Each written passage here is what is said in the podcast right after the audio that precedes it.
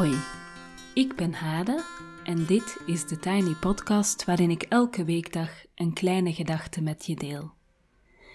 Vandaag is het 22 maart 2021 en het is maandag, dus we checken in vandaag. Maar eerst wil ik Cathy graag bedanken. Cathy trakteerde me op een kopje koffie via het vrijblijvende betalingje in de show notes. Dankjewel, Cathy.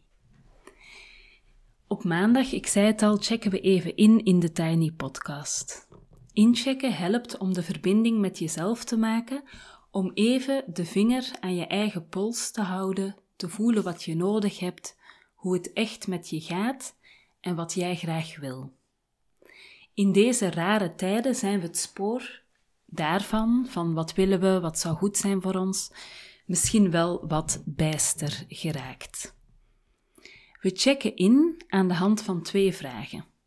En die geef ik zo dadelijk en dan ben ik een volle minuut stil, zodat je de ruimte hebt even bij mijn vragen stil te staan. Als je schrijvend wil inchecken, kan je de podcast best even op pauze zetten, zodat je voluit de ruimte hebt om dat te doen. En na die stille minuut check ik zelf even bij jullie in. De vragen voor vandaag zijn de volgende. Hoe gaat het met je? Als je dit een moeilijke vraag vindt, en dat is het ook gewoon, kan je even voelen welk cijfer van 0 tot 10 je wil geven aan je welbevinden op dit moment. En dan kan je je afvragen waarom je dit cijfer geeft. En de tweede vraag is: hoe vul jij je innerlijke bron van welzijn? Het is fijn als je voor je welbevinden niet afhankelijk bent van externe dingen of mensen.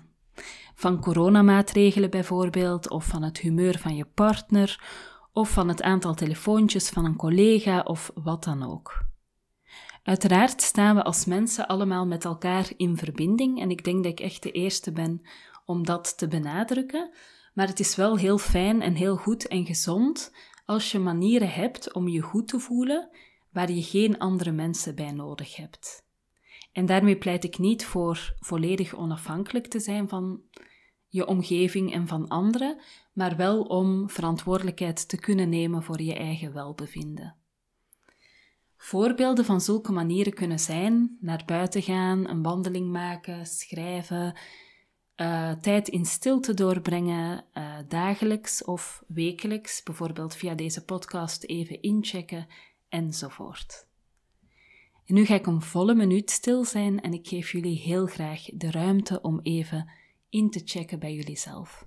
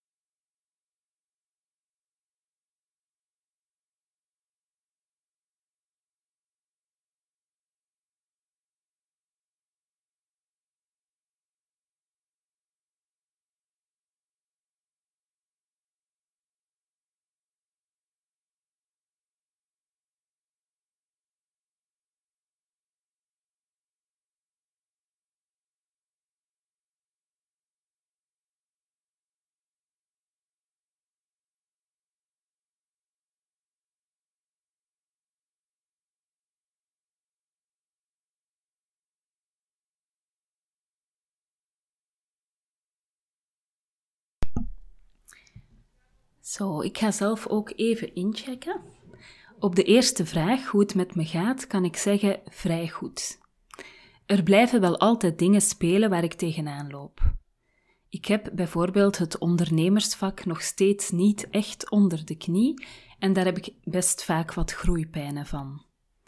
Afgelopen donderdag heb ik trouwens voor het eerst bedacht dat ik er maar mee moest stoppen. Dat gevoel is intussen trouwens over.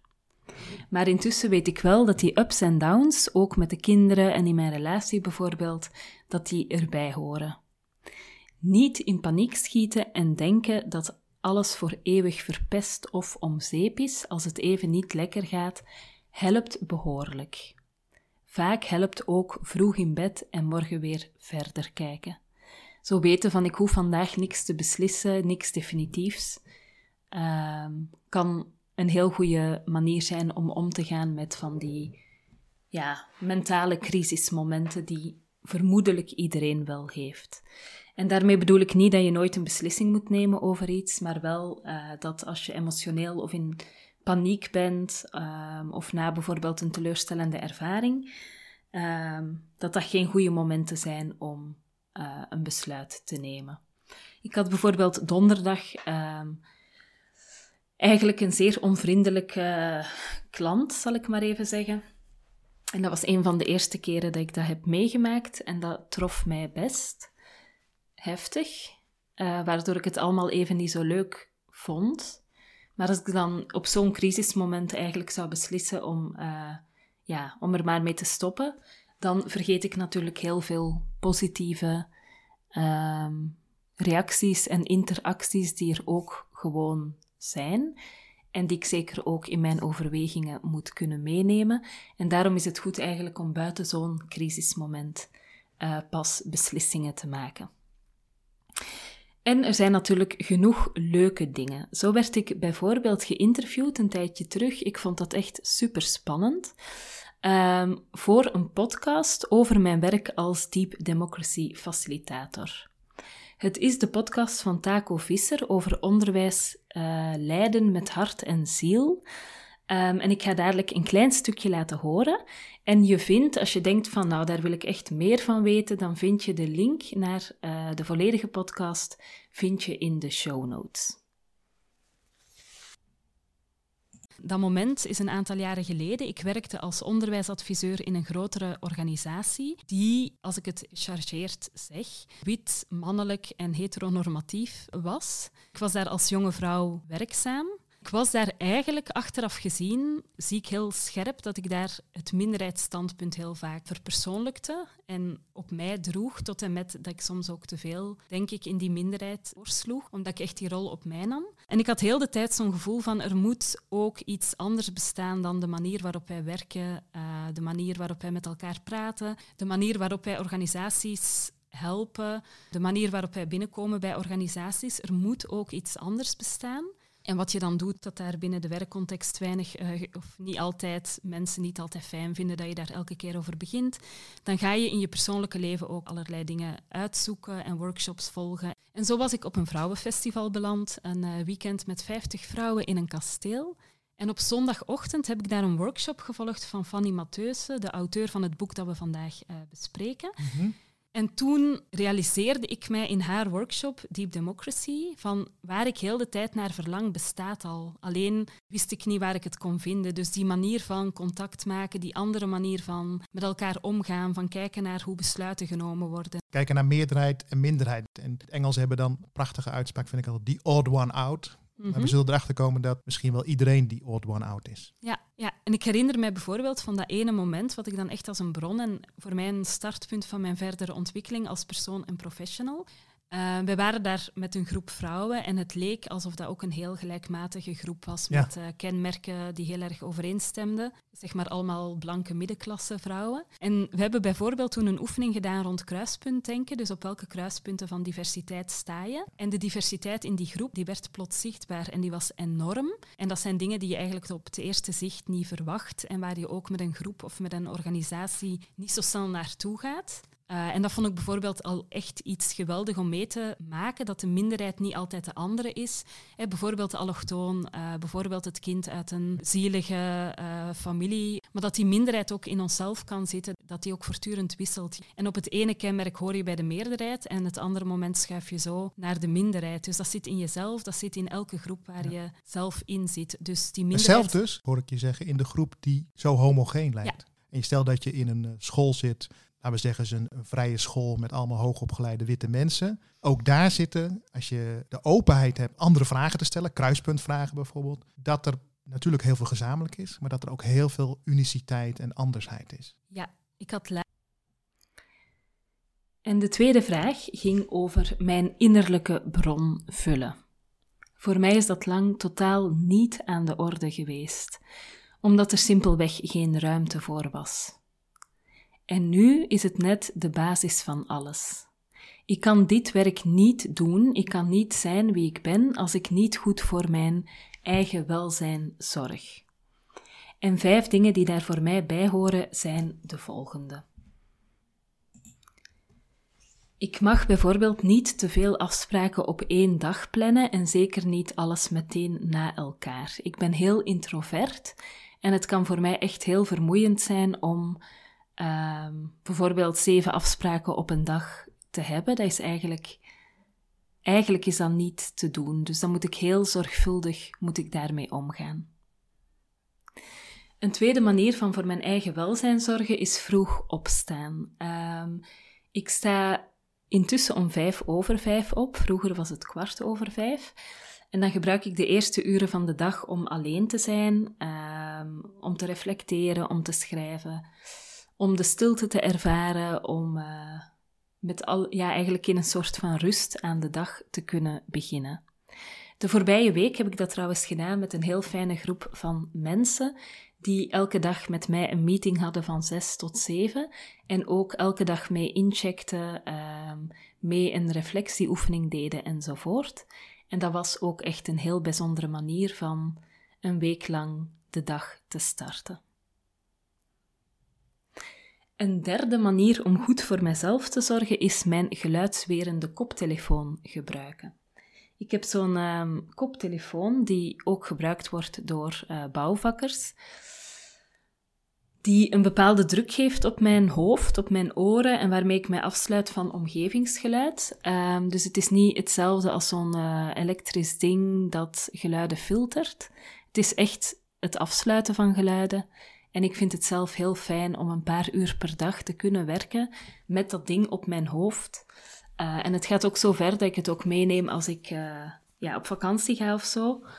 Uh, omdat ik het echt heel belangrijk vind om mij af en toe te kunnen afsluiten van omgevingsgeluid. Dan de vierde is dat ik elke dag een paar losse eindjes probeer af te hechten om mijn mentale hygiëne te verzorgen. Ik ben, ik weet niet of dat normaal is, maar ik heb echt to-do-lijsten van bladzijden lang. En ik vind het heel moeilijk om alles zo tot in het laatste detail of het laatste losse eindje af te werken.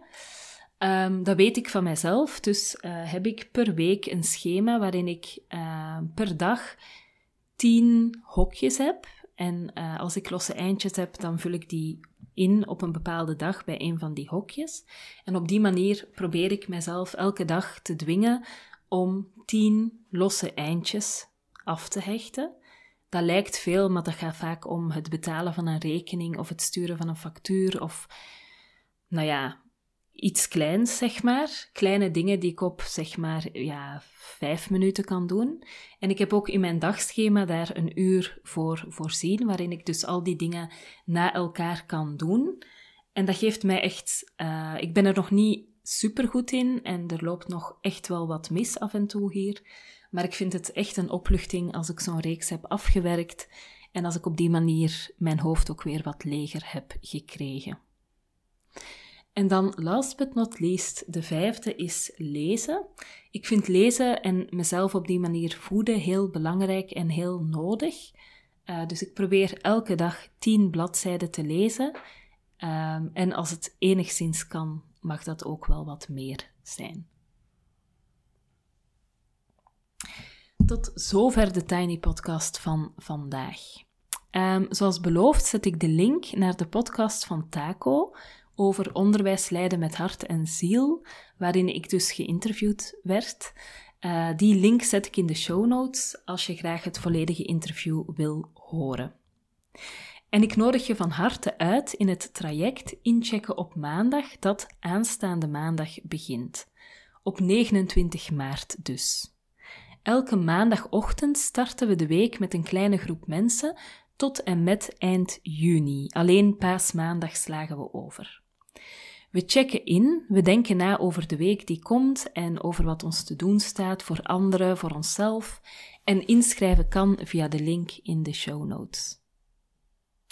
Je kan me volgen op Instagram, TheTinyPodcast. Als je je abonneert via bijvoorbeeld Google of Apple Podcast, in Spotify of in je favoriete podcast-app, krijg je telkens de nieuwste aflevering in je overzicht. En dat is elke weekdag. Als je de podcast doorstuurt naar iemand die er ook graag naar luistert, of hem deelt op social media, help je me om de podcast te laten groeien en om meer mensen te bereiken. Ik wens je een ontzettend fijne dag en heel veel goeds en heel graag tot morgen.